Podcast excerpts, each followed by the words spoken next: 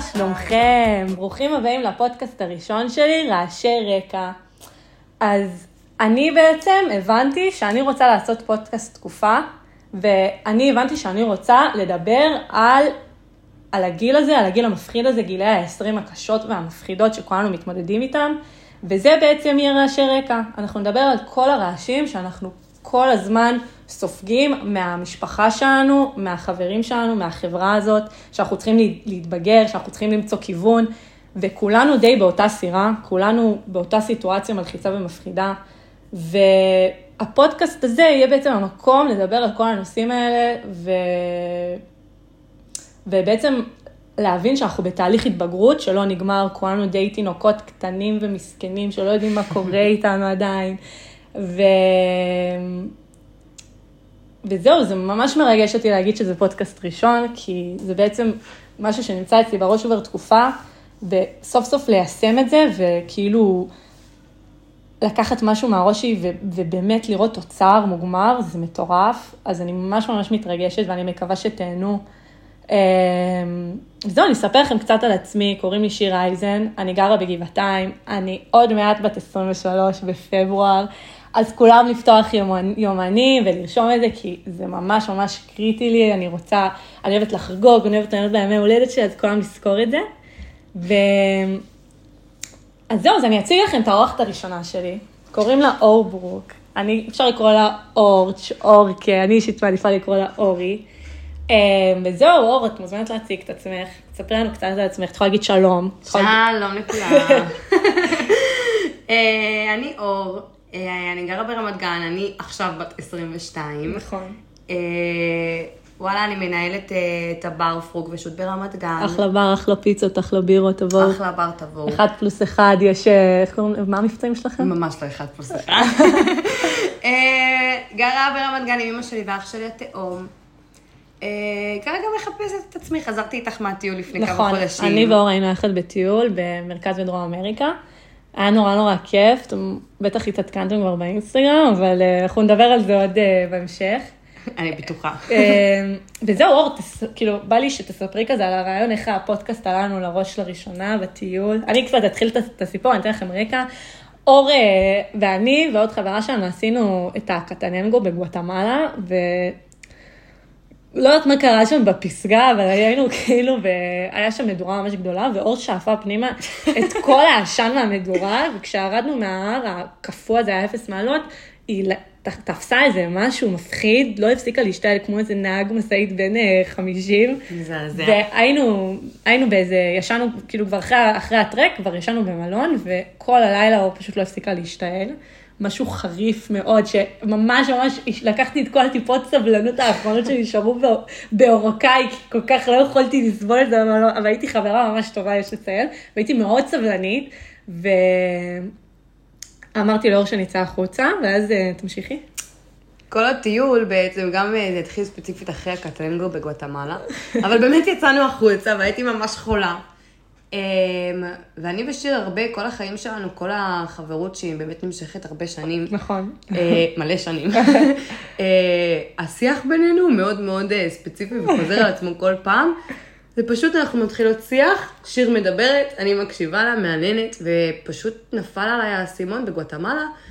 שאמרתי לשיר, אני מרגישה כאילו אני שומעת פודקאסט. נכון. כל פעם אנחנו מדברות על נושאים שונים. וואי, זה היה חפירה, באות, לא, באותו לילה ספציפית גם פשוט ממש חפרתי לה ממש, אני חושבת שדיברתי שם שלוש שעות ברציפות, רק מינימום. אני. אור, אור דיברה, כאילו אור לא דיברה, אור הנהנה, הקשיבה, גם כאילו, נציין שגם עישנו מלא, אז כאילו יכול להיות שגם זה היה כאילו משהו שהשפיע, אבל אה, פשוט לא הפסקתי באמת לציין את המוח, ואז או כאילו אמרה לי, את נשמעת כמו פודקאסט, ואז אמרתי, בוא'נה, למה שאני לא עושה פודקאסט? ואז ככה הגעתי לרעיון. ו... וזהו, ועכשיו אני מיישמת את זה, וזה מטורף. אה, ובואו נספר קצת רגע רקע על החברות שלנו. אני בעצם מכירה את אור מאז שאנחנו בנות תשע בערך. אני, אני לא גרתי בארץ, אני גרתי תקופה בחו"ל, ואז כשעליתי לארץ, אז אה, ראיתי כזאת ילדה חמודה בכיתה, ילדה שמנמונת. שמנמונת, ידעתי שתגידי. חמודה, וישר אמרתי, אני זוכרת שאמרתי לאימא שלי, וחשבתי, אמרתי, בואנה, אני והיא נהיה חברות. לא, זה לא בהכרח קרה על ההתחלה, כן, אבל בסוף באמת נהיינו חברות ממש טובות. וכאילו, אור החברה הכי טובה שלי, אני יכולה להגיד את זה בלב שלם, היא מעבר לחברה הכי טובה, היא אחותי. אה, באמת מי שמכיר אותי ישר, ישר שומע עליה ממש במשפטים הראשונים, היא כנראה תעלה בשיחה, ואין הרבה אנשים שאני יכולה להגיד את זה עליהם. בן אדם סופר סופר קרוב, וזהו, אני אפסיק אה, להרים לך, כי את עושה ממש תעופי על עצמך. אה, אז זהו, אז עכשיו שקצת סיפרנו לאנשים על החברות שלנו, איך את מגדירה אדם שקרוב אליך, כי אני יודעת שגם לך, יש, את, יש לך כאילו מבחן מטורף לאיך אנשים נכנסים למעגל הקרוב שלך, וזה בא לי לשמוע איך את מגדירה בן אדם שקרוב אלייך. וואלה, שאלה ממש מעניינת. אה, לא יצא לי לחשוב על זה בעצמי. אני, אני חושבת, חושבת שאני מגדירה בן אדם שקרוב אליי, אה, זה באמת אנשים מהילדות שלי, כמוך, כמו עוד חברות שלנו, שעברו איתי באמת תקופות, כי אני חושבת שבן אדם ששוחה איתך כבר הרבה שנים, הוא באמת מכיר אותך על כל צדדיך. הטובים, הרעים, תקופות טובות, תקופות רעות יותר, החיים פשוט, נקודה. אז uh, בעיניי, בן אדם קרוב וחבר טוב, זה בן אדם באמת ש... בוא נגיד יש לו פזם בקשר, כאילו... וקשה להפוך להיות חבר טוב שלך? את חושבת שאת בן אדם שיש לו הרבה מינונים ו- וסוג של סף קבלה, אפשר לקרוא לזה? אני חושבת שיש סוג של סף קבלה, אני כן חושבת את זה. אה, אני כן בן אדם מאוד חברותי, ואני מאוד נהנית מקשרים עם בני אדם, אבל אה, להגדיר אותם חברים מאוד קרובים שלי ומאוד טובים שלי, ואנשים שאני יכולה לסמוך עליהם, אני חושבת שיש פה איזה מבחנים קטנים שאני לא בדיוק יודעת לשים עליהם את האצבע, אבל הם כן קיימים. אבל לא כל אחד ייכנס מאוד מהר למעגל הקרוב שלך. למעגל הקרוב לא. אוקיי, נכון. זה, זה מאוד נכון לגבי אור. ובעצם, כשאני אני חושבת שאנחנו מדברים על חברות, אנחנו באמת מחפשים איזושהי קרבה לבן אדם שנרגיש שהוא מבין אותנו. אני חושבת שזה מה ש, שחברות, אתה מחפש בן אדם ש, שיבין אותך ואת הצרות שעוברות עליך ביום-יום, והוא יזדהה איתך, ו, ושגם תוכל ליהנות עם הבן אדם הזה. אני חושבת שיש פה הרבה אלמנטים לחברות, ולפעמים קצת קשה לה, להבין מה זה. אני חושבת שאני ואור פעמים מתמודדות עם, ה, עם הנקודה הזאת של... האם עדיף כמה חברים טובים בודדים, או האם עדיף אה, הרבה חברים שהם לא בהכרח מאוד מאוד קרובים. וסתם דוגמה, אני יודעת שלי יש בעיה, שאני, אה, לפעמים אני בסוג של פומו, שאם אני לא מספיק חברה של מספיק אנשים, אני יכולה להיכנס לסטרס. אם אנחנו בסיטואציה שיש בה הרבה אנשים, אני, הרבה פעמים יהיה לי נטייה לזנוח את, ה, את החברים הקרובים שלי בשביל חברויות שהן הרבה פעמים שטחיות ולא יוצא לי מהן כלום. זה באמת נכון. זה באמת נכון. אז אני ואור מתמודדות עם הדבר הזה הרבה, בתיכון היה לנו את זה גם, שהיה לי, לי קושי כאילו לשחרר את האנשים הרחוקים ממני בשביל האנשים הקרובים. אני, אני כל הזמן הייתי בפומו, ו, וכל הזמן שיחשבו שיש לי מלא חברים, אבל זה, זה איפשהו לא אפשרי, כי אתה לא יכול שיהיה לך כל כך הרבה חברים. אתה צריך את החברים הבודדים האלה. כאילו, נכון, את זוכרת את ההתמודדות הזאת? אני ממש זוכרת את ההתמודדות הזאת. אה, וזה משהו שבעיניי, אם אני יכולה להגיד, הוא משהו שמלווה אותך, כאילו באמת, נכון. מאוד מימי היסודי, התיכון. עד עכשיו. עד עכשיו. גם בטיול היה לנו. גם בטיול. וזה קטע כי, לדוגמה, אצלי אין את זה. נכון. זה ממש כאילו אינדיבידואלי לכל בן אדם. כנראה לך יש את זה, כנראה לעוד בן אדם יש את זה, כנראה אנשים שיש להם את זה פחות. זה באמת בעיניי אה, מתבסס על כל הקטע של הפומואיות. כן. שזה אצל כולנו פשוט ברמות שונות. אבל כן, היה, היה הרבה סיטואציות, גם בתיכון, גם בטיול, שסתם אנחנו נגיד... אני ושיר יכולות לבלות, ליהנות, ערב נחמד, מגיעים אנשים, פתאום, אה, איפה שיר, מה קורה לה? גם כל הזמן להסתכל על צדדים, כאילו אני לא יכולה ליהנות מהסיטואציה עם אנשים שהם קרובים אליי, אני כל הזמן אסתכל על צדדים ואראה מה אני מפספסת. ו... ואני חושבת שזו תכונה שהיא, שהיא לא בריאה, שהיא רעילה, כי באיזשהו מקום, יש סיבה למה אנשים או חברים קרובים אליך, ואם אתה תזנח אותם בשביל חברים אחרים, אתה, אתה מפספס פה משני העולמות, כי אתה גם זונח את האנשים שהם הכי קרובים אליך, שמי אמר שהם יישארו כשאתה כל הזמן תזנח אותם. ואתה גם בכלל, אתה לא יודע בכלל מי האנשים האלה שאתה כל כך רוצה להיות חבר שלהם, אתה פשוט רואה איזשהו משהו ואתה רואה בן אדם שעדיין לא סימנת עליו וי שהוא חבר שלך ואתה רואה אותו כמטרה, לפחות ככה הראש שלי הרבה פעמים עובד. ולמה זה כל כך מעניין אותך אנשים לסמן אותם כמטרה? כאילו, אנשים לי, מושכים אותך, מסקרנים אותך? כי אנשים מושכים אותי ומסקרנים אותי, וכי בא לי להרגיש ש... שאם הם מסקרים אותי ומושכים אותי, אז בא לי להרגיש את זה הדדי. בא לי להרגיש שגם אני מעניינת אותם, בא לי להרגיש אהובה על ידי מלא אנשים, אבל, אבל ככל שאני מתבגרת, אני מבינה שזה פשוט לא אפשרי. אי אפשר להיות אהוב על ידי כל כך הרבה אנשים, ואתה גם תפספס כל כך הרבה אנשים שהם באמת חשובים בדרך, אם אתה כל הזמן אה, תרדוף אחרי איזשהו אידיאל מטורף שהוא הוא לא באמת ניתן להשגה, הוא לא ניתן להשגה. אי אפשר להיות חבר של שלושת אלפים אנשים. יש ממש מחקר שמדבר על זה, שזה, יש אה, אנתרופולוג, אני אמרתי את המילה נכון, שקוראים לו פרופסור רובין דנבר, שמדבר על זה שהם עשו מחקר באוניברסיטת אוקספורד, שקבע ש... שלרובנו יש שלושה עד חמישה אנשים בחיינו, שאיתם יש לנו קשר חזק במיוחד, חברים או משפחה בדרך כלל, אה, עם עשרה אנשים ממוצע יש לנו קשרי חברות קרובים, בין 30 ל-35 אנשים נמצאים במעגל האינטראקציה התדיר שלנו, ועוד כמאה איש שאנחנו מכירים היטב. זאת אומרת שיש 150 אנשים שהם מסומנים בראש שלנו כאנשים שהם סוג של חברים שלנו. וזה מטורף. זה מטורף. כי איך, איך אנחנו, איך מצליחים בעינייך לחלק את הזמן כאילו בין האנשים שאנחנו רוצים לבין האנשים שאנחנו לא כל כך רוצים, או למי להשקיע זמן, אנחנו קובעים אנשים, למה אנחנו משקיעים בקשר הזה יותר ובקשר הזה פחות. זה, זה באמת הקושי שאני חושבת שמלווה כל אחד, כאילו, כשהייתי יותר קטנה, אז היה לי יותר קשה, הייתי אומרת, טוב, אז בראשון אני אקבע איתה, ובשני אני אקבע כן. איתה, ואז בשלישי אני אקבע איתו, וברביעי אני אקבע איתה. וכל פעם ברדיפה כזאת, לנסות כמה שיותר לשמור להכניס. ולשמר את כן. כל החברים שרצתי איתם מהתיכון, ושהייתי ביסודי, ושאני מכירה אותם מהגן, ואותו הכרתי בחוג, ואותו הכרתי בצבא. כן. ובאמת לאט לאט שמתבגרים, אני חושבת שכל הלחץ הזה פשוט ירד. שהבנתי שאוקיי, אז אני, יש לי פחות נושאים משותפים איתה. וגדלנו והתפצלנו לדרכים שונות, וזה בסדר. ואני מעדיפה כן לשמר קשרים חזקים יותר וטובים יותר, ושטובים לי, ושעושים לי טוב, כן. מאשר להחזיק ולחבק את כל החברים מהעבר. וזה ממש קטע, המחקר הזה, 150 אנשים שהם חברים. כן, מה אנשים... אני מכירה 150 אנשים בכלל. מכירה 150 אנשים שאת לא בהכרח כולם חברים טובים, אז יש, יש איזושהי סקאלה, אבל כולם, זה אנשים שאת תראי אותם ברחוב ואת תדעי עליהם דבר או שניים ואת תגידי להם שלום. זה, זה כולל גם משפחה. אמ, וכן, אבל באמת לחלק, לחלק את עצמנו לכל כך הרבה אנשים לפעמים זה, זה, זה מלחיץ וזה קשה וזה תופס לך מלא אנרגיה ואני חושבת שגם אני, אני למדתי יותר עם הזמן, תועדי, של באמת את מי לשמר ואת מי לא. זה לא דבר פשוט, כי הרבה פעמים להרחיק מאיתנו אנשים זה, זה דבר שהוא פוגע והוא קשה והוא מלחיץ ואתה אומר בואנה איך... אולי אני עושה טעות שאני מרחיק בן אדם מעצמי, אבל... אבל צריך ללמוד לשחרר גם אנשים שהם לא נותנים לנו כבר שום דבר אה, אולי חיוני, אני יודעת, זה נשמע אינטרסנטי, אבל בסוף אנחנו צריכים באמת להיות עם אנשים שכיף לנו, שאנחנו סומכים עליהם, שאנחנו נהנים איתם ושהם מחזירים לנו את אותו דבר שאנחנו נותנים להם. ואם יש אנשים שהם לא כאלה בשבילנו יותר, ופעם הם כן היו, זה בסדר לדעת לשחרר אותם. אני חושבת שזה, אני חושבת שזה בריא והכרחי בשביל לחיות בשפיות עם 150 אנשים שאנחנו מכירים. כי אנחנו, לא ניפגש עם 150 אנשים במהלך חודש אפילו, או חודשיים, או שנה. אנחנו ניפגש עם, לא יודעת, מספר יותר מצומצם, אולי 20 אנשים. אמ, תספרי כאילו על, עלינו, על איך זה, איך זה שאני ואת הכרנו כשהיינו בנות תשע, לעומת עכשיו אנחנו בנות 22-23, על איך זה... איך זה, איך, מה ההבדל, כאילו, האם יש הבדל בחברות שלנו אז להיום, האם היא התפתחה, האם היא השתנתה?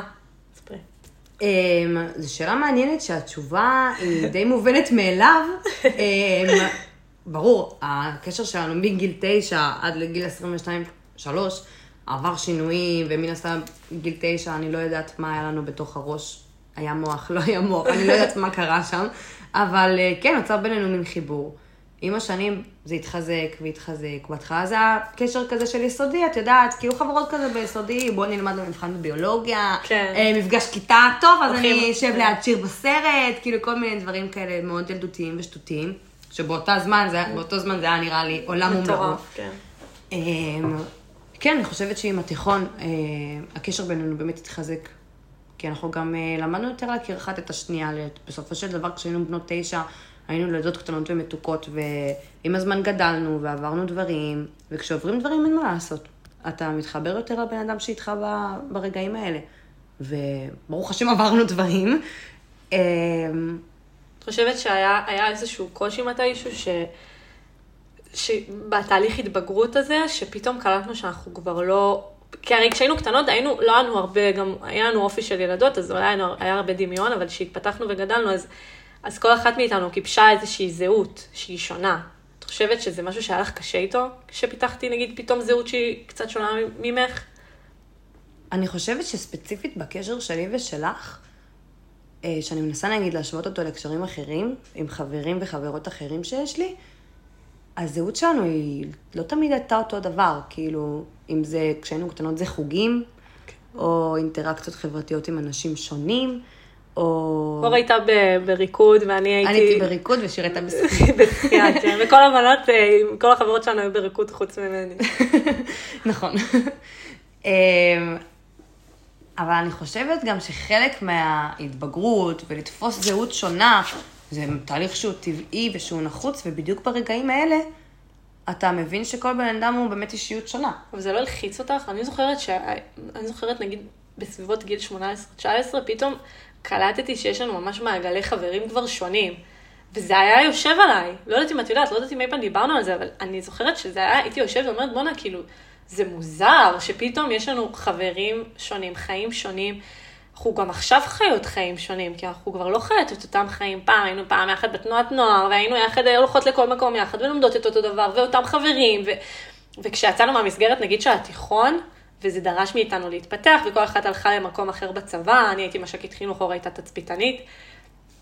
זה, זה איפשהו, אני, אצלי לדעתי זה איפשהו אפילו יצר איזשהו משבר זהות, כי הזהות שלנו מאוד התפתחה יחד, ואז פתאום היא התפתלה, ואז את אומרת, זה קצת היה לי מוזר, זה לא היה לך מוזר? זה, זה היה לי מוזר, אבל uh, אני יכולה להגיד לך שאם אני מסתכלת שנייה אחורה, ביום של הגיוס של שיר, יום, לילה לפני, שיר התגייסה uh, חמישה חודשים uh, לפניי, כן. לילה לפני התקשרתי לשיר, התקף חרדה, צורחת, אני לא רוצה שתתגייסי, ואנחנו כן. לא נהיה חברות יותר. חמודה. אני ממש נלחצתי מכל התהליך הזה של צבא, זה היה נראה לי באמת משהו מפחיד, כן. מפחיד, כי עד עכשיו אה, אני יחד. ושיר היינו יחד בתיכון, היינו יחד כל דבר יחד, נפגשות כל יום. באמת פחדתי, אני פחדתי שהיא תכיר אנשים חדשים, שפתאום יראו לה יותר מעניינים, חיבור כן. יותר טוב, אני באמת פחדתי מזה. אז אם אני שנייה חוזרת לאותו לילה, אז כן, אה, ממש היה לי חרדות מהדבר, כן. ממש נלחצתי. אבל אני גם חושבת שכמו כל אחד מאיתנו, כשאנחנו מתגייסים, אנחנו בעצם פעם ראשונה, או שנת שירות, תלוי מה קורה אחרי התיכון, פעם ראשונה שאנחנו לבד, בכוחות עצמנו. כן. בלי החברים, בלי כזה, אה, טוב, שיר לידי, יאללה, נעשה איתה כן. צחוקים, את יודעת, עניינים של ביטחון. ואני חושבת שגם לראות אותך מהצד, כשהתגייסת לפניי, ושכמובן, כמו בכל מסגרת, את כאילו מקסימה ובולטת, וטפו טפו טפו, אין לי מה להגיד, אז אה, אני גם הרגשתי ממש גאווה להיות חברה שלך, כאילו, זה כן, כיף לי. נכון. זה... וואי, זה מדויק. אז אני, כן, באותו רגע, כן, הזהות שלנו כביכול התפתחה שונה, את, את היית באמת מש"קית חינוך, אני הייתי סמלת של תצפיתניות, אה, כל מיני דברים שונים, אבל אני כן אה, הייתי ממש גאה בך, כאילו, אז הרגשתי ממש טוב, ש... וגאווה, שכן, שיר אייזן היא חברה שלי, ועכשיו היא בדרך שלה, שם בעיר הבה"דים ושם בחצרים, ושהיא לא איתי פיזית, אבל אני היה לך פעמים שהיה לך קשה עם הבחירת חברים שלי אחרי הצבא? חד משמעית, כן. חד משמעית, כן. אמ, אני באמת חושבת שאני ואת ממש שונות בקטע הזה של כן, בחירת חברים. וואי, זה מה זה נכון. כי אני ממש מנסה לברור אותם עם פינצטה, ולא. מתחברת לכל אחד. נכון.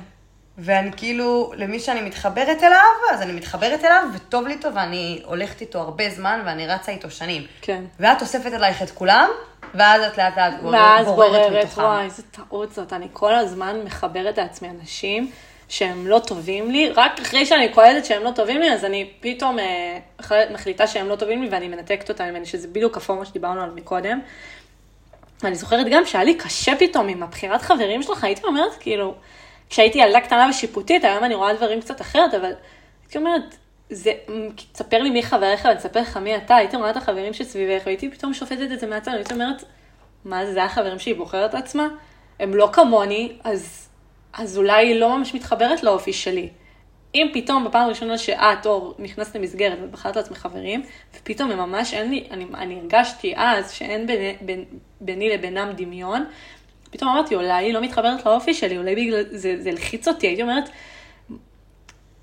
הייתי אומרת ש...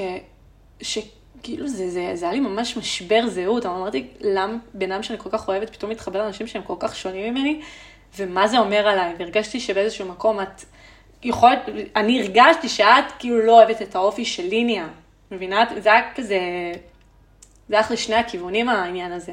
מסכימה איתי? את הרגשת את זה גם? אמ, אני לא מסכימה איתך, כי זה לא דברים שהרגשתי אותם, אני זוכרת את הסיטואציה ואת הרגעים האלה, וגם ניהלנו על זה הרבה שיחות. נכון. אז אני כן זוכרת את זה, אבל אמ, זה פשוט באמת פעם ראשונה שאתה נזרק למים כזה בסיטואציות שאתה צריך לבחור לעצמך את החברים.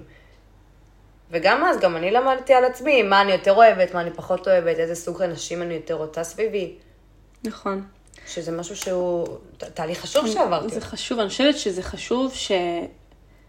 שאנחנו לא בהכרח אותו, אותו בן אדם היום, כי זה באמת גם לא אפשרי, אבל זה שכל אחת מאיתנו לקחה את עצמנו ופיתחנו אופי אמיתי שהוא לא בהכרח תלוי אחד בשנייה, וכמובן שיש אלמנטים שאין מה לעשות, אנחנו, החיים שלנו ביחד, אנחנו השפענו אחת על השנייה ועל הצמיחה אחת של השנייה וההתבגרות אחת של השנייה, אבל בסוף כל אחת מאיתנו פיתחה אופי עצמאי משל עצמה, ואנחנו לא תלויות אחת בשנייה בקטע של, רגע, אם לא אור, אז מי אני? אנחנו, אנחנו עדיין... אנחנו עדיין איפשהו תלויות אחת בשנייה, אבל אנחנו גם מאוד עצמאיות בתוך זה, ואנחנו לא מגדירות אחת את השנייה לפי האופי של השנייה. שהרבה פעמים, אני רואה את זה בחברויות של שנים, שהרבה פעמים אנשים ממש אה, האופי שלהם, שלהם וכמו של חברים שלהם, הוא אותו דבר. וזה, נכון. וזה אותו בן אדם, את רואה אנשים שהם גדלו יחד והם חברים מדהים, ואת אומרת, בואנה, כאילו, איפה, איפה הם התפתחו שונה? הם, הם אותו בן אדם, הם לומדים אותו דבר, הם הולכים לאותו מסגרות, הם, יש להם את אותם חברים, הם, אין להם שום דבר שהוא מנותק מהחברות הזאת, ואני לא חושבת שזה המקרה אצלנו. אני מסכימה איתך. אני גם שמחה שזה לא המקרה אצלנו. נכון. כאילו יש אצלנו אלמנטים שהם מאוד דומים בערכים שלנו, אני חושבת, באיך שאנחנו מאמינות לפעול בסיטואציות, או בתמיכה אחת של השנייה, שזה נגיד משהו שאין לי, אני לא יכולה להגיד שיש לי תמיכה מעוד בן אדם, כמו שיש לי את התמיכה ממך. ואני חושבת שזה מה שמגדיר את, ה, את החברות שלנו, לא זה שיש לנו את אותו אופי. וזה גם מה שכל כך יפה. אני יכולה פתאום להביא מישהו, כן, זאת חברה הכי טובה שלי, ואז יגידו, רגע, מה, לא הבינו את הקשר, עד שבאמת יכירו אותנו, ואז יגידו, אה, אוקיי, נכון. שם הקשר נמצא, הוא לא בהכרח בדברים השטחיים ועל על פניו, או איך אנחנו מתלבשות, או איך ככה, אבל זה בדברים העמוקים של העומק ושל היכולת שיח והחיבור הכימי הזאת שיש בינינו, שזה מה שמעצים את החברות שלנו.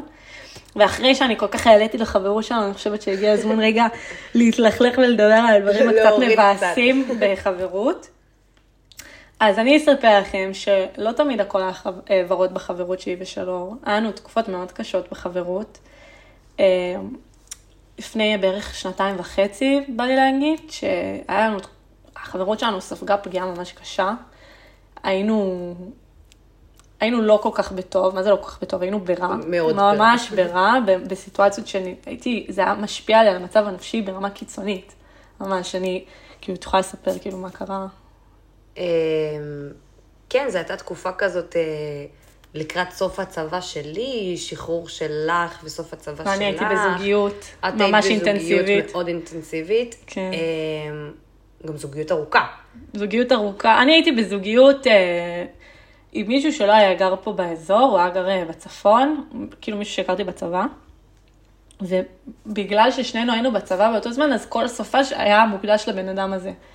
וזה זה עוד סיבה למה החברות שלנו חטפה פגיעה, וגם כאילו, כן, אה, גם זו אחת הסיבות שהזוגיות, הזוגיות שלנו. הזוגיות שלנו, כן. גם זוגיות, גם זוגיות. שהקשר בינינו אה, באמת חווה פגיעה, וגם באותה תקופה עברתי הרבה משברים כזה בבית, עם עצמי, עם עניינים משפחתיים. אה, הצבא הוא לא באמת מסגרת שיכול להכיל כל מיני דברים חריגים שקורים בבית, אז אני מצאתי את עצמי קצת כזה בין לבין. כן. וגם כל מה שעבר עליי באותה תקופה, וגם באמת אה, הזוגיות שהיית בה, אה, אני ואת מצאנו את עצמנו ממש מתקשות אה, להיות שם אחת בשביל השנייה, ממש להתקשות לעזור אחת לשנייה. וזו הייתה תקופה מאוד קשה, אני חושבת, שאם אני חושבת עליה, הייתה שלי ושלך. מזעזעת. הייתה ממש קשה. אנחנו לא הצלחנו, התקשורת בינינו הייתה אפסית. נכון. אני לא מדברת על הודעות בוואטסאפ בכלל שלא קרו. נכון. אני...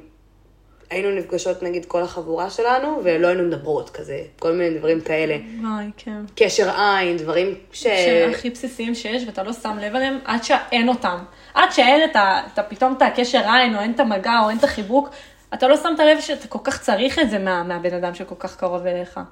זה ממש הגיע למצב שאני חשבתי שכבר אנחנו לא נהיה חברות יותר, אני זוכרת שהייתי בוכה לאימא שלי, הייתי ממש בוכה שאני הולכת לאבד אותך כחברה, וזה היה מרסק לי את הנשמה, כי גם אנחנו באותה חבורה, אז לא ממש היה איפה לפרוק את זה, אנחנו לא, לא היינו יכולות ללכת לחברה ולהגיד, וואי, ממש רע לי, כי כי לא רצינו גם לדבר אחת על השנייה רע, אז, אז, אז מצאנו, אני, אני חושבת שאנחנו, כל אחת מאיתנו הרגישה גם מאוד בודדה בסיטואציה הזאת, כי כנראה שהייתי פונה אלייך אם זו לא היה הסיטואציה איתך, כנראה הייתי מדברת על זה איתך, פתאום אבל רע לי ממש איתך, אז עם מי אני אדבר על זה? הרגשתי ממש בודדה. וזה הרגיש יותר נורא מלאבד בן זוג באיזשהו מקום, כי, כי נכון, הקשר שלנו לא רומנטי, אבל הוא, זה קשר של נפשות כזה, אנחנו היינו צריכות אחת על שנייה, אנחנו מדברות כל יום, פתאום לא לדבר איתך, פתאום לא לשמוע את הקול שלך, פתאום לא להתייעץ איתך, זה היה מזעזע, אני, אני הרגשתי שאני מדברת עם אנשים אחרים והם לא נותנים לי את מה שהייתי צריכה ממך. שאנשים לא בהכרח יודעים לדבר או ללטף או, או להרים או להגיד לי את האמת בפרצוף, כמו שאת יודעת לעשות, ו, וזה היה לי ממש חסר. וזה היה הרבה יותר גרוע מלאבד בן זוג, כי זה בין, חברים טובים, אנחנו, הם, הם קשרים שהם אפילו עוקפים מערכות יחסים כל כך הרבה פעמים, זה, זה מטורף. ו... זה, זה, זה ממש משמח אותי שאני יכולה לדבר על זה בלשון עבר, וזה כבר לא רלוונטי היום, אבל איך נגיד את חושבת שיצאנו מהמקום הזה? איך יצאנו מהמקום הזה? אה, אני חושבת שהאופי שלך ושלי הוא מאוד שונה, וספציפית בנקודה של, את ממש בן אדם של שיח, ובן אדם של, כשאת קולטת איזושהי סיטואציה אה, מידרדרת, או שסיטואציה היא לא טובה, את ישר לוקחת את המושכות, צריך לדבר. אז כן, בהתחלה היית עושה, אור, אנחנו צריכות לדבר, היינו יושבות לשיחה. כן. כל פעם במקומות אחרים בגבעתיים, רמת גן, שאני זוכרת אותם. אמ, ופשוט פותחת איתי הכל, אומרת, אור, אנחנו כבר לא חברות, אנחנו מאוד רחוקות, בואי ננסה להבין למה, מה מפריע לך בי, את אמרת לי מה מפריע לך. ניסינו כל הזמן לתקשר, וכל הזמן אני זוכרת שממש ניהלנו איזה שיחות ארוכות, והרגשתי שיש חומה. כאילו לא הצלחנו להגיע אחת לשנייה. כן. ואז פשוט כל פעם סיכמנו את המפגשים ב... ננסה לקבוע יותר, וננסה לדבר את... על הבעיות. ועוד פעם, זה פשוט לא היה חוזר, ואני באמת חושבת שזה, שיש פה גם שאלה, שכשאת בזוגיות, אה, מה קורה, את מבינה? אני חושבת שאם באותה תקופה היית רווקה, אני חושבת שהיה לך יותר זמן, נגיד, להשקיע בקשרים ולהכיל, וזה בדיוק מה שאמרת, שנגיד לאבד חברה, את כן. הקשר שלנו זה ממש יותר נורא מלאבד בן זוג, ואני מסכימה איתך. מסכימה איתך. אז זה כל כך הרבה, אחרי הרבה שיחות שניהלנו בנושא, כן. במשך, אני חושבת, חודשים. חודשים, זה היה ממש חודשים. חודשים, כן. אני זוכרת שהשיחה האחרונה הייתה פה בחדר שלי, זו הייתה השיחה האחרונה, ומשם באמת, דברים באמת השתנו. איך, איך הם השתנו? איך את חושבת שזה קרה? דבר ראשון, אה, בזכותך הרבה, כי את היית מאוד אקטיבית בנושא, ואני לפעמים בסיטואציות כאלה מאוד נאטמת, ואני מאוד אה, מנסה להיות פסיבית לסיטואציה, ולתת פשוט לעולם כזה להגיע אליי, ולאנשים, כאילו להרגיש שאנשים רוצים בי, ואני לפעמים לא אוהבת לרדוף אחרי אנשים, ואת בדיוק הפוך. את בן אדם מאוד אקטיבי, וכותבת, ויוזמת, ונפגשת, אז אני חושבת שזה הרבה בזכותך. אז דבר ראשון, תודה רבה. ממש תודה שנלחמת על זה. ואני באמת חושבת שלאט לאט יותר התחלנו להתעניין, גם אם בהתחלה זה היה מאולץ. מאולץ, ולראות כזה הודעה משיר איך עבר היום, ואני אומרת, מה, היא כאילו לא דיברה איתי כל השבוע. למה פתאום אכפת לה? אבל אני חושבת שכשהתחלנו ממש נכון. כל הזמן להשריש את זה של בואי נכתוב אחת לשנייה הודעות, בואי ננסה להיות חברות יותר טובות, למרות שאנחנו בצבא, למרות שאנחנו בזוגיות, למרות שאנחנו בכל כן. מיני דברים אחרים, כל הרעשים של החיים. ניסינו ממש ממש להתמקד בקשר שלי ושלך וממש לטפח אותו מההתחלה. מההתחלה.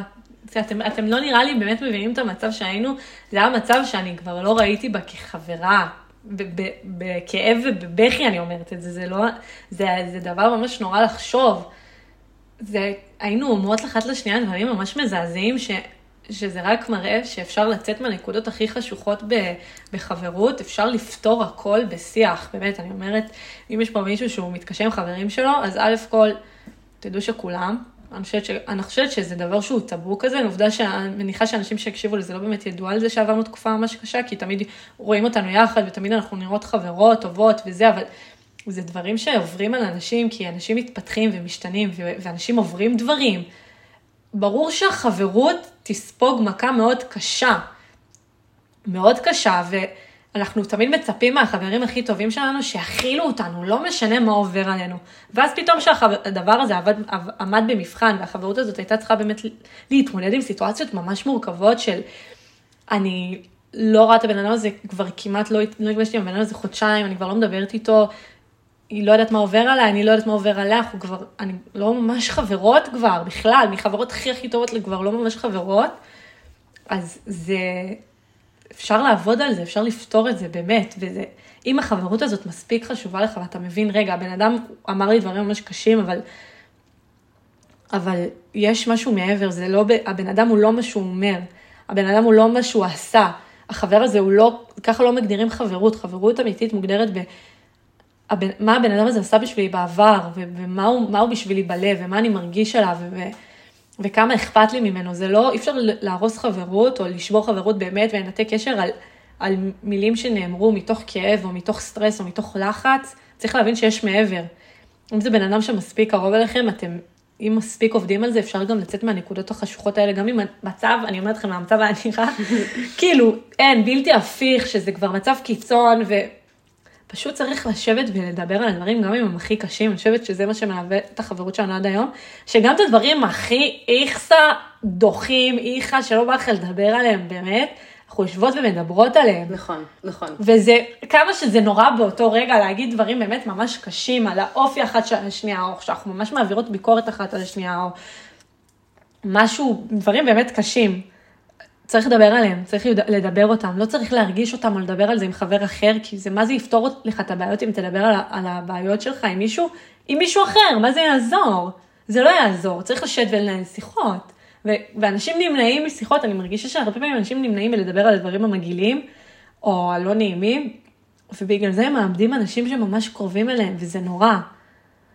אמ, כן. נכון.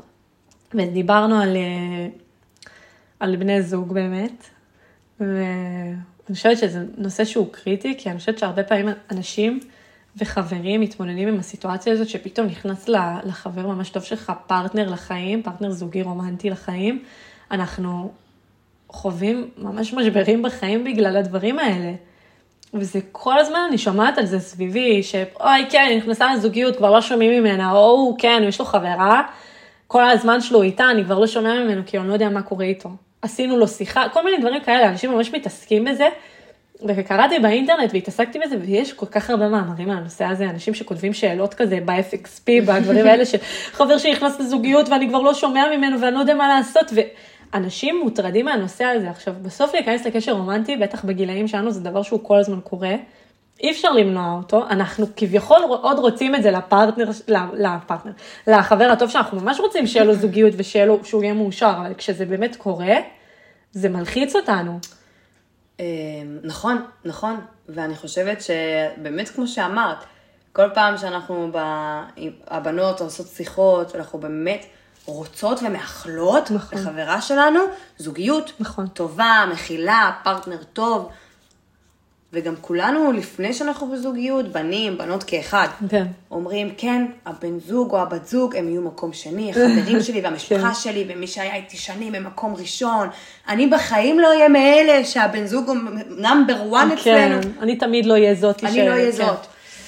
או נגיד, אני יכולה לשבת עם חברה ולהגיד לה, כן, חברה שלי, יש לה בן זוג, לא שומעים ממנה, והיא תגיד לי, אך, אני שונאת בנות כאלה. כן. ואז כשהיא בזוגיות קורה בדיוק אותו דבר. קורה אותו דבר בדיוק. וזה ממש קטע. זה בלתי נמנע איפשהו. אני לא יודעת אם זה בלתי נמנע, את יודעת? את חושבת שאפשר להיות בזוגיות ו- ולשמור על אותם uh, כמות חברים כמו לפני, ועל אותו איכות של כמות חברים, כאילו על אותו איכות של קשר, על אותו איכות של פגישות, על אותו כמות של פגישות, ולנהל מערכת יחסים בריאה ויציבה? כן. כן, למה? כן. למה? אני פשוט חושבת שזה סדר עדיפויות מסוים, שילוב אה, של הבן זוג מול החברים, לנסות ליצור אינטראקציות של אה, להפגיש את הבן זוג עם החברים והחברות, להבין שנייה שנכנס לי פרטנר חדש לחיים וזה ממלא אותי ומשמח אותי, אבל כמו שאנשים יכולים להגיע, אם זה בן זוג, אם זה משפחה או חברים לצערי, הם גם יכולים ללכת מאיתנו ולהבין שהדברים הם זמניים. וכמובן, עם כל האדרנלין של תחילת קשר והפרפרים בבטן, לפעמים באמת אפשר להתעוור ולא לראות את זה. אבל אני חושבת שאם אנחנו מחלחלים לעצמנו את זה כל הזמן, גם לא במובן הפסימי של כזה, טוב, יש לי בן זוג, עוד מעט הוא ילך, אז לא להתלהב. להתלהב, לעוף על עצמנו, ליהנות, לחוות, פשוט תמיד להישאר עם רגליים על הקרקע. ואני כן מכירה אנשים שהם אה, בזוגיות, היו בזוגיות, כרגע בזוגיות, שהם כן מצליחים לשלב. איידולים. איידולים, באמת, מעריצה עוש- איך אותם. הם עושים את זה? מעריצה שלהם. אני, אני אגיד לך שאני קראתי על הנושא הזה, כי זה עניין אותי, ואז קראתי אה, מחקר, שלא עוד פעם, של רובין דנבר, זה נראה לי הוא חוקר חברויות. אה, הוא, הם בדקו והראו שגברים ונשים נוטים באותה מידה לאבד את חבריהם הקרובים ביותר כשהם התחילו מערכות יחסים אה, חדשה. מחקרים קודמים של הקבוצה של דנבר הראו שלאנשים יש בדרך כלל חמש מערכות יחסים מאוד מאוד קרובות, אני מדברת על חברים ממש קרובים, חבורה של אנשים שהם מאוד קרובים אליהם. שאליהם הם פונים בצרות רגשיות או כלכליות. ואם אתה נכנס למערכת יחסים רומנטית, זה עולה לך בקשר איכותי, כמו שהיה לך לפני, עם שני חברים.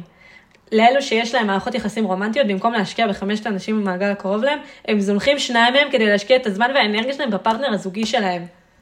זה מטורף, זה, זה מטורף, זה לא מפתיע אותי, זה לא מפתיע, אבל זה, זה נכון. זה מפחיד.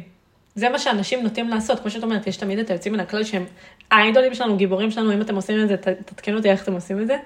אבל זה מפחיד, כי אתה כל הזמן אומר באמת, אני לא, אני אכנס לזוגיות ואני לא אעשה את זה, ואני אהיה, אהיה החבר הכי טוב לכל החברים שלי, ואני אשמור על קשר עם כולם, אבל כשזה באמת קורה, ואתה נכנס לזוגיות, פתאום אתה אומר, בואנה, אני לא, אני לא כזה טוב בזה. אני יכולה להגיד על עצמי, אני נכנסתי כל פעם שנכנסת למערכת יחסים, אני ואור מדברות על זה, ואנחנו אומרות, אה, כן, שיר, אה, יש לך נטייה להיעלם למערכות יחסים, הפעם אל תעשי את זה. ואז אני אומרת לך, ברור, ברור. בדוק, בדוק, אני לא נעלמת, אני פה, אני אהיה תוך כל הזמן. ו... כמו שאמרתי, אז הייתי במערכת יחסים של שנה וחצי, ובאמת ממש נעלמתי. ואז כשיצאתי ממנה אמרתי, בואנה, כמה פספסתי, ואני אמרתי, אני לא אעשה את זה שוב. ואז נכנסתי שוב פעם למערכת יחסים, וזה סוג של קרה שוב, אני לא חושבת שזה קרה באותה מידה כמו במערכת יחסים הקודמת, אבל גם עכשיו שנכנסתי לקשר, זה שוב קרה לי, ושוב לקחת אותי לשיחה, נכון? נכון, נכון. זה מעצבן. אה, כן, וואלה, זה מעצבן מאוד, אבל אה, אני גם זוכרת שכשהיינו בטיול והיינו שתינו רווקות, ממש. ניהלנו פודקאסט אה, כזה כן. על, על הנושא של אה, באמת הנטייה להיעלם ולהישאר בתוך מערכת זוגית. ואני ממש זוכרת שהצבנו לעצמנו כזה גבולות, וכזה כן. אמרנו לעצמנו, "אמ, כן, כשאני אהיה בזוגיות, תגידי לי, ואם את לא אוהבת את הבן זוג, תגידי לי, ואם אני נשאבת לזוגיות, תגידי לי, ואמרנו שתמיד אנחנו כל כך רוצות לפרגן אחת את השנייה כשנכנס פרטנר זוגי לתמונה, כן. שלפעמים אנחנו מסתנוורות ומתעברות יחד אחת עם השנייה. אז אני באמת חושבת שבזוגיות הראשונה שדיברת עליה, של השנה וחצי, שגם אז היה לנו את כל המשבר ביחסים, אני פחות נתתי לך כזה פידבק ומראה. נכון, כי נכון. פחות הייתי שם, גם מבחינה של כל מיני דברים שעברו עליי. וגם כי לא אהבת את הבן זוג וגם. כי פשוט לא כל כך, לא, לא לא התחברתי לבן התחברת, זוג. כן, נגיד את זה ככה. אבל אני חושבת שבזוגיות עכשיו אני, שדרך אגב, אני כבר לא בזוגיות עכשיו, כאילו, כן. נדבר על זה בלשון עבר. שבזוגיות שהייתה ממש לאחרונה, אז אה, כן הצלחתי בתור חברה, ואני מאוד גאה בעצמי על זה, להראות לך מראה. נכון. ובזוגיות הראשונה שלך, אני חושבת שאולי קצת חששתי, אולי בגלל באמת שלא התחברתי לבן זוג, טעיתי וחשבתי, אולי היא חושבת שאני לא מפרגנת לה, כן. שחס וחלילה, אולי שאני מקנאה לה, אני לא כן. רציתי שזה יתפרש למקומות האלה, כי זה מקומות אה, עדינים והם גם לא נעימים. הם גם לא נעימים, כי בסופו של דבר כולנו רוצים לעצמנו זוגיות, ולפעמים אני, אתה לא רוצה לתת לבן אדם שלא מפרגן לאנשים שקרובים לך. אז אני חושבת שעכשיו בזוגיות שהייתה לך אה, לאחרונה, אה, כן הצלחתי ממש לנסח ולהתנסח בצורה מאוד טובה. גם כי גם אהבת אותו. גם כי התחברתי אליו ואהבתי אותו, נכון. אבל אה, אני שמחה שהמסר הועבר לך. אבל מה שכן, שיר, לטובתך, כשהעברתי לך את המסר, את מאוד התאפסת ואת מאוד הבנת, נכון. שזה נחמד. אני חושבת שכש... כשאתה באמת בזה, אתה לא באמת קולט שאתה מאבד חברים ושאין לך זמן. כי אני חושבת שכשאתה בזוגיות, אתה, אתה כל כך מתלהב מעצם העובדה שאתה בזוגיות ושטוב לך ושאתה מאושר, שאתה...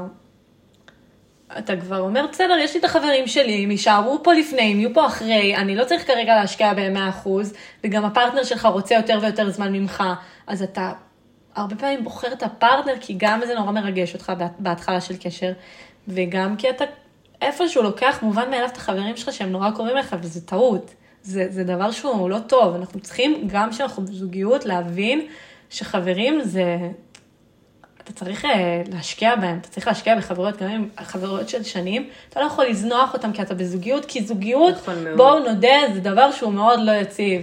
מערכות יחסים זה דבר שהוא לא יציב. כי אתה לא יודע מתי יום אחד תסתיים לך קשר רומנטי עם בן אדם, אתה לא יודע איך זה יקרה ומתי, וכנראה שהחברים שלך, אתה תצטרך אותם כשזה, כשזה ייגמר. ואני ואור מכירות כל כך הרבה חברות שהן כבר לא חברות שלנו, כי הן נכנסו למערכות יחסים, ואת אומרת, בואנה, מה יהיה איתם כשהם יצאו מהקשר? מי יהיה הרשת שלהם שהם יצטרכו להסתמך עליהם?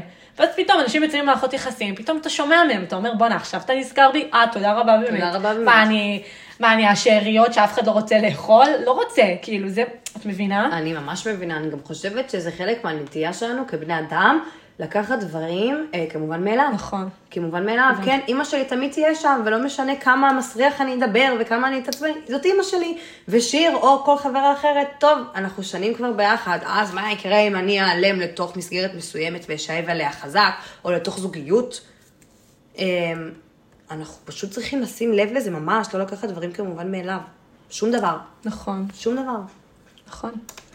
אור מאוד צודקת ומאוד חכמה, אני רק אשים כוכבית. אמ, אני חושבת שגם הקטע עם חברות, למה הרבה פעמים זה נופל לכל מיני בורות ולמכשולים, זה שאם את חושבת על זה, זה, זה קשר שהוא מאוד אה, לא מוגדר. חברים זה בן אדם שאתה עכשיו מחליט, אני רוצה להיות חבר שלו, אבל זה לא זוגיות וזה לא משפחה. לזוגיות אתה מוגדר, אתה מדברים על להפוך להיות בני זוג. משפחה, אתה נולד לתוך המשפחה, זה גם משהו שהוא מוגדר. עם חבר אתה לא עושה איתו שיחה ואומר לו, אוקיי, אז עכשיו אנחנו חברים, מה, מה הכללים ומה זה, אתה לא, כאילו, אתה אומר לו, לא, אתה לא יכול להיות חבר של אנשים אחרים, זה הכללים, כאילו, אין לכם איזושהי שיחה, יחסינו לאן, כמו במערכות יחסים, ומשפחה, אני ממש לא צריך את זה, כי אתה די פשוט נולד לסיטואציה. אבל עם חברים אין את הכללים האלה, אתה לא יודע בדיוק מה מותר ומה לא מותר, ואיך עושים ואיך פועלים, ואין לך נגיד טיפול זוגי לחברים. זה, תחשבו על זה, מטורף, יש לך טיפול, טיפול למשפחות, יש לך טיפול למערכות יחסים, אין טיפול לחברים, אתם לא תראו, כן, אני וחבר ממש טוב שהולכים עכשיו לטיפול זוגי, כי החברות שלנו נקלע לכל מיני סיטואציות, וזה חבל, כי זה קשר שהוא, הוא, הרבה פעמים הוא גם תחליף לבני זוג, הוא תחליף למשפחה, הוא, חברים זה הדבר הכי הכי קרוב אלינו, כנראה, כנראה כל מי שמקשיב יסכים איתי שהרבה מהחברים עוקפים הרבה פעמים משפחה. נכון. ומחליפים תא משפחתי. כי תא משפחתי הוא כבר לא כמו שהוא היה פעם, תא משפחתי זה, זה כבר מעורער היום בשנת 2022, אתה רוצה אנשים שיהיו איתך, אם הם, בין עם משפחה ובין עם חברים, אתה, יש לך סטנדרט מסוים של איך בא לך שיתייחסו אליך, אז חברים הרבה פעמים עומדים בסטנדרט הזה ומשפחה לא. ודווקא חברים, אנחנו כאילו לא יודעים איך, איך להתמודד עם הסיטואציה, אנחנו, אנחנו משקיעים בחברים, ולאט לאט הם הופכים להיות יותר ויותר קרובים, ואז בסוף הם הופכים להיות חברים ממש טובים, אבל אם נכנסים לכל מיני קשיים, אנחנו לא ממש יודעים איך להתמודד עם זה. וזה הזוי, לא? את לא מסכימה? זה ממש הזוי. חשבת על זה פעם, על הקטע לא, הזה? וואלה, זה את. האמת הערת לי פה נקודה, אני לא חשבתי על זה לפני. כחברים, אני חושבת שזה באמת, באמת עניין של חיבור, נכון. אבל זה גם לא חיבור אה, רומנטי או מיני, כמו שיש בבן כן. זוג או בפרטנר מסוים, זה פשוט עניין של חיבור, כאילו, כיף לי עם הבן אדם. אני מנסה. לחשוב כאילו איך אני יוצרת לעצמי חברים חדשים, שלא כן. גדלתי איתם, אז זה פשוט, זה בן אדם שכזה נראה לי נחמד, בא לי כזה לשבת איתו, לשבת איתה, אז אני אומרת לה, יאללה, בוא נשב לבירה או משהו, ואז אנחנו כזה מתחברים, מתחברות, אבל אה, זה באמת לא מוגדר. נכון, זה באמת לא זה מוגדר, ואם, ואם הבן אדם שהוא חבר או חברה שלי עכשיו, ממש ממש רוצים קרבה ממני, ואני פחות רוצה את הקרבה נכון. הזאת. ואם אני רוצה את החברים האלה במינון מסוים, אנחנו לא עושים שיחה יחסינו לאן נכון. לפני, אנחנו פשוט זורמים בתוך הסיטואציה, ובגלל זה זה באמת ממש לא מוגדר. ואני חושבת שהחוסר הגדרה הזאת, היא שאנשים לא מדברים על ככה אני רוצה שחברים שלי יתנהגו אליי, או אתם לא מציבים איזשהם כאילו גבולות בחברות, יוצר פרצות למקומות של ריבים, למקומות של חוסר הסכמה, למקומות של אה, התרחקות, למקומות של פגיעה, ובגלל זה אני כן חושבת שאנשים צריכים להסתכל על חברות ממש כמערכת יחסים שצריך לשבת מדי פעם וממש לדבר מה מפריע לי, מה לא מפריע לי, איך אנחנו לוקחים את החברות הזאת צעד קדימה, זה נשמע כאילו הזוי, אבל, אבל זה באמת הרבה פעמים עוזר, התקשורת הזאת שאנחנו לא ממש עושים בחברות. אבל את חושבת שעכשיו עם כל אני לא מדברת על חברות אה, כמו שלי ושלך, שהיא באמת... אה, כן, נשים אותה שנייה. בצד, כן, אבל אני מדברת איתך על חברות, נגיד עכשיו חברים מהעבודה. אוקיי. אה, מכירה אנשים בעבודה, נחמד לי איתם, מכירה, לא יודעת, אפילו בצבא. את חושבת שעם כל בן אדם אני צריכה לשבת ולדבר איתו על, אוקיי, אני רוצה שתהיה לא, חבר שלי. לא. ב- אני חושבת, אבל כשבן אדם עובר את השלב הזה של אני חבר שלך במסגרת, במסגרת לחבר שלך בחיים, ואתה כבר מתחיל לשתף אותו בדברים אישיים, והוא כבר הופך להיות, כמו שאמרנו, אה, ממש חברים, אה, חבר קרוב, אז צריך לעשות שיחות כאלה. סתם לדוגמה, אני עוד פעם, בגלל שעשיתי מחקר, אני אתן פה איזושהי עובדה, אבל בשביל אה, להגדיר אדם חבר, כאילו בן אדם לקרוא לו חבר, אנחנו צריכים להיות איתו 50 שעות של שהייה משותפת. ובשביל להגדיר אותו חבר טוב, אנחנו צריכים להיות איתו בין 80 ל-90 שעות. ובשביל להגיד שהוא אחד החברים הקרובים שלנו, אנחנו צריכים לחוות עם הבן אדם הזה 200 שעות של קרבה ו- ושהייה משותפת שבחרנו לעשות. מעניין. את מבינה? אז, אז כן, אנחנו כנראה על ההתחלה לא בהכרח נחווה את זה עם חברים ממסגרות, לא נהיה איתם, כנראה שנהיה איתם בשהייה משותפת, כי אנחנו יחד עובדים איתם, לומדים איתם, אבל כשאנחנו יוצאים מהמסגרת ומחליטים לבלות זמן משותף יחד, ומתישהו הם יהפכו להיות חברים קרובים, בגלל מה שהרגע אמרתי, זה פשוט קורה באופן טבעי כשמבלים הרבה עם בן אדם שאתה אוהב, אז צריך להציב איזה שהם גבולות, כי אחר כך אנשים נפגעים, אנחנו כל הזמן נפגעות מחברים. זה שיח שאנחנו כל הזמן אומרות, כן, נפגעתי ממנו, כן, נפגעתי ממנו, וואי, היא לא, לא מתנהגת עליי כמו שצריך, הוא ממש פגע בי, ואנחנו לא פונים ובאמת מדברים הרבה פעמים עם בן אדם. אנחנו פשוט נותנים לזה להחליק, כי כאילו זה מעיק איפשהו במרכאות, כל הזמן לפתוח בעיות עם חברים. אבל אז אנחנו יכולים לאבד באמת אנשים שקרובים אלינו, את מבינה? אני אני מסכימה איתך, אני ממש מסכימה. יופי, סליחה. וזהו, ועכשיו, אה, בגלל שדיברנו קצת על הטיול, אז תספרי איך זה היה לגור עם אה, בן אדם מושלם כמוני. בן אדם מושלם כמוך. אה, וואלה, חוויה, חוויה כן, גדולה. אני ואור היינו בתחת אחת של שנייה ארבעה חודשים. ארבעה חודשים, ממש non stop. אני אגיד לך מה, אני לפעמים, אה, בוא נגיד, אוכלת סרט על הטיול, שבאמת הבחירה לטוס, אני, שיר ועוד חברה, היא... עדי, אם את מקשיבה, אנחנו אוהבות אותך. אמ, זו הייתה בחירה מאוד טבעית ומאוד ברורה, כאילו זה לא נכון. היה, אני חושבת שיש אנשים שלפני טיול גדול והם מתכננים, אומרים, עם מי אני אטוס ועם מי יהיה לי טוב. לא חשבתי, אמרתי, ברור, אני טסה עם שיר ועדי. כן, חברות הכי טובות שלי. נכון. וטסנו, ואני, אה, זה הרשת הבטוחה שלי, אני אומרת לעצמי, כן, שיר ועדי, הכל יהיה בסדר. ולא חשבתי כמה הטיול הזה יכול עוד יותר להעמיק את הקשר ועוד יותר לחבר בינינו, כי אנחנו באמת חברות, אני מדברת עכשיו ספציפית עליי ועלייך, אנחנו חברות שנים, וחברות כן. כל כך טובות, ואני מכירה כל פיפס בך, וכל התנהגות, וכל דבר מהעבר, וכל מחשבה בהווה, וכל תהייה של העתיד, אני יודעת, אני מכירה אותך, אני מרגישה אותך.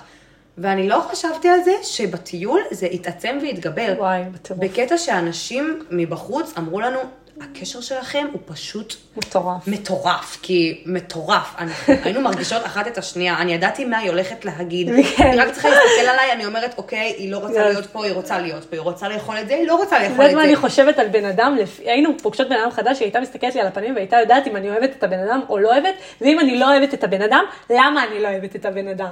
הכל זה לפרטי. פרטים. וואי, זה היה פסיכי. ואני אני זכיתי בטיול הזה, אני לא האמנתי שאני אגיד את זה לפני כשטסתי, אבל זכיתי בטיול הזה לעוד רמה של התחברות והתקרבות וואי, איתך, זה טירוף. שזה ממש מטורף, כי אני, אני. לא חשבתי שיש עוד לאן. לא חשבתי שיש עוד מטורף. לאן להתחבר, איך להתקרב. איך מעמיקים קשר בצורה כזאת מטורפת, זה לא יאומן. אבל גם כאילו, אני, אני מרגישה שלמדנו איפשהו להכיר ממש ממש לעומק את, את המגרעות אחת של השנייה, וגם ממש לאהוב את המגרעות אחת של השנייה, שזה לא דבר שהוא כזה קל, כאילו, לי יש מגרעות מן הסתם, ולך יש מגרעות, ובטיול, מן הסתם שאתה חי עם בן אדם, המגרעות שלו רק יוצאות ומשתוללות, אבל למדנו גם ממש להכיל את המגרעות האלה בצורה הכי קיצונית שיש. שאתה אומר, אני, הבן אדם הזה, יש לו כרגע משהו, הוא צריך להתמודד עם זה, ולא בהכרח אוהבת איך שהוא מתמודד עם זה, אבל אני עדיין אוהב אותו בטירוף, ואני עדיין אעבוד איתו על זה, ואני אדבר איתו על זה כמובן שהוא מתנהג לא בסדר, אבל, אבל אני אוהב אותו למרות כל הדברים האלה, אני אוהב אותו גם בגלל, בגלל הדברים האלה. שזה לדעתי משהו שזה ממש, ממש עשה לי את זה בטיול, שכאילו ממש... למדנו אחת השנייה, אפילו דברים שלא, כאילו ידענו עליהם בארץ, אבל פתאום לחוות את זה בצורה כל כך אינטנסיבית, זה, זה, זה מוזר פתאום. זה מוזר. שפתאום אני, אני התגליתי עוד יותר כחסרת סבלנות, שזה... זה מגרעה מאוד גדולה אצלי, ו... אבל אור הייתה יודעת להגיד, רגע, טוב, שיר עכשיו חסר, חסרת סבלנות, בסדר, שתהיה חסרת סבלנות, כאילו, וואי, זה נכון. נראה, לא, התרג... לא התרגשת לא ממני לרגע. מזה בכלל. בכלל. וזה זה- זה... מוערך בטירוף. שאני יכולה באמת להיות אני, כן, עם המגרעות שלי, וכן, אני צריכה לעבוד על עצמי כמו כל בן אדם, אבל את עדיין, את עדיין הכלת אותי ואמרת, בסדר, אז את עצבנית, סבבה, תתמודדי עם זה, דברי איתי כשאת נרגעת. את לא היית לוקחת את זה ללב, לא היית לוקחת את זה אישי, היית מבינה שזה לא קשור אלייך, והיית נותנת לי את המקום, ל, כאילו, להירגע ולחזור אלייך כשאני סבבה. וזה משהו שאין לי, אין לי את זה עם הרבה אנשים. את יודעת, אנשים נוטים ישר להעלב, לקחת דברים אישי, ובגלל שאת מכירה אותי ואת יודעת איך אני פועלת, אז לדעת לקחת את זה, לנווט את זה למקום כל כך חיובי. וזה מדהים, זה מדהים. אהובה שלי, אני, אני שמחה לשמוע. אני ממש שמחה לשמוע, ואני באמת חושבת שבטיול הזה, מרוב שהוא אינטנסיבי, ומרוב שאנחנו חוות אחת את השנייה, לפרטי פרטים, שאני אני לא חשבתי על זה, שזה יהיה ככה לפני, למרות שזה די מובן מאליו. כן, ברור. זה לקום, לקום אחת עם השנייה כל בוקר, זה לישון באותה מיטה, או כן. בתת קומותיי, כל הזמן. זה תורים תור, במקלחת, זה תורים בשירותים, כן. זה הכל כל הזמן סובב אחת סביב השנייה בפרטים הכי קטנים. כן. שלוש ארוחות, לבשל, נכון. לעבור מקומות, לישון, הכל, להיות אחראיות, לסמוך אחת על השנייה, זה לדאוג אחת לשנייה. לדאוג אחת על השנייה. אני עברתי שם פציעה מזעזעת בטיול, נכנס לי גלשן לתוך הפרצוף ועשה לי שם, אה, ריסק אותו, ריסק את הפרצוף שלי. ו- גם את הגלשן. וגם את הגלשן, ו... ואור ועדי, באמת, הם טיפלו בי ביד כל כך מסורה, וזה דברים שאתה אומר, בואנה, כאילו, זה כמו, זה פשוט המשפחה שלי. רק משפחה תעשה דברים כאלה אחד לשני, וזה לא מובן מאליו. כן, ואני חושבת שנגענו בכל הנקודות שרציתי לגעת. איך היה לך להתארח וואו, בפודקאסט? היה לי ממש כיף. היה לי ממש כן? כיף. חשבת שזה יהיה ככה? אמ, ציפית, זה ציפית פשוט- למשהו אחר או לזה? לא, כי זה פשוט הרגיש כמו כל שיח שלנו בנ- בנושא מאוד ממוקד וספציפי. נכון. אבל אה, היה לי ממש כיף, ממש נהניתי, ו... וכל הכבוד לך, וממש מלא בהצלחה. תודה רבה, ובאמת תודה שבאת להתארח. אני ממש שמחה שאת האורחת הראשונה שלי, ודיברנו, בוא נראה כמה זמן אנחנו מדברות, וב-53 דקות זה... אנחנו באמת, באמת, צמצמתי את זה כמה שאני יכולה, כי באמת, אנחנו יכולות עכשיו לדבר באמת שלוש שעות, וכנראה שאין לאנשים את הזמן הזה, או את הרצון הזה. וזהו, אז אה, תודה שהצטרפתם. אני ממש נהניתי שהתארחתם אצלי בראש ובראש של אור. ותרגישו חופשי לרשום לי אם אהבתם, אם לא אהבתם, מה לא אהבתם, מה בא לכם לשמוע. דברו אליי, חברים, אני באמת, באמת רק פה כדי לדבר על כל הדברים שמציפים לכם את הראש בגילאים ההזויים האלה, ו... וזהו, תודה רבה, אוהבת אתכם, וניפגש פעם הבאה. ביי ביי. ביי.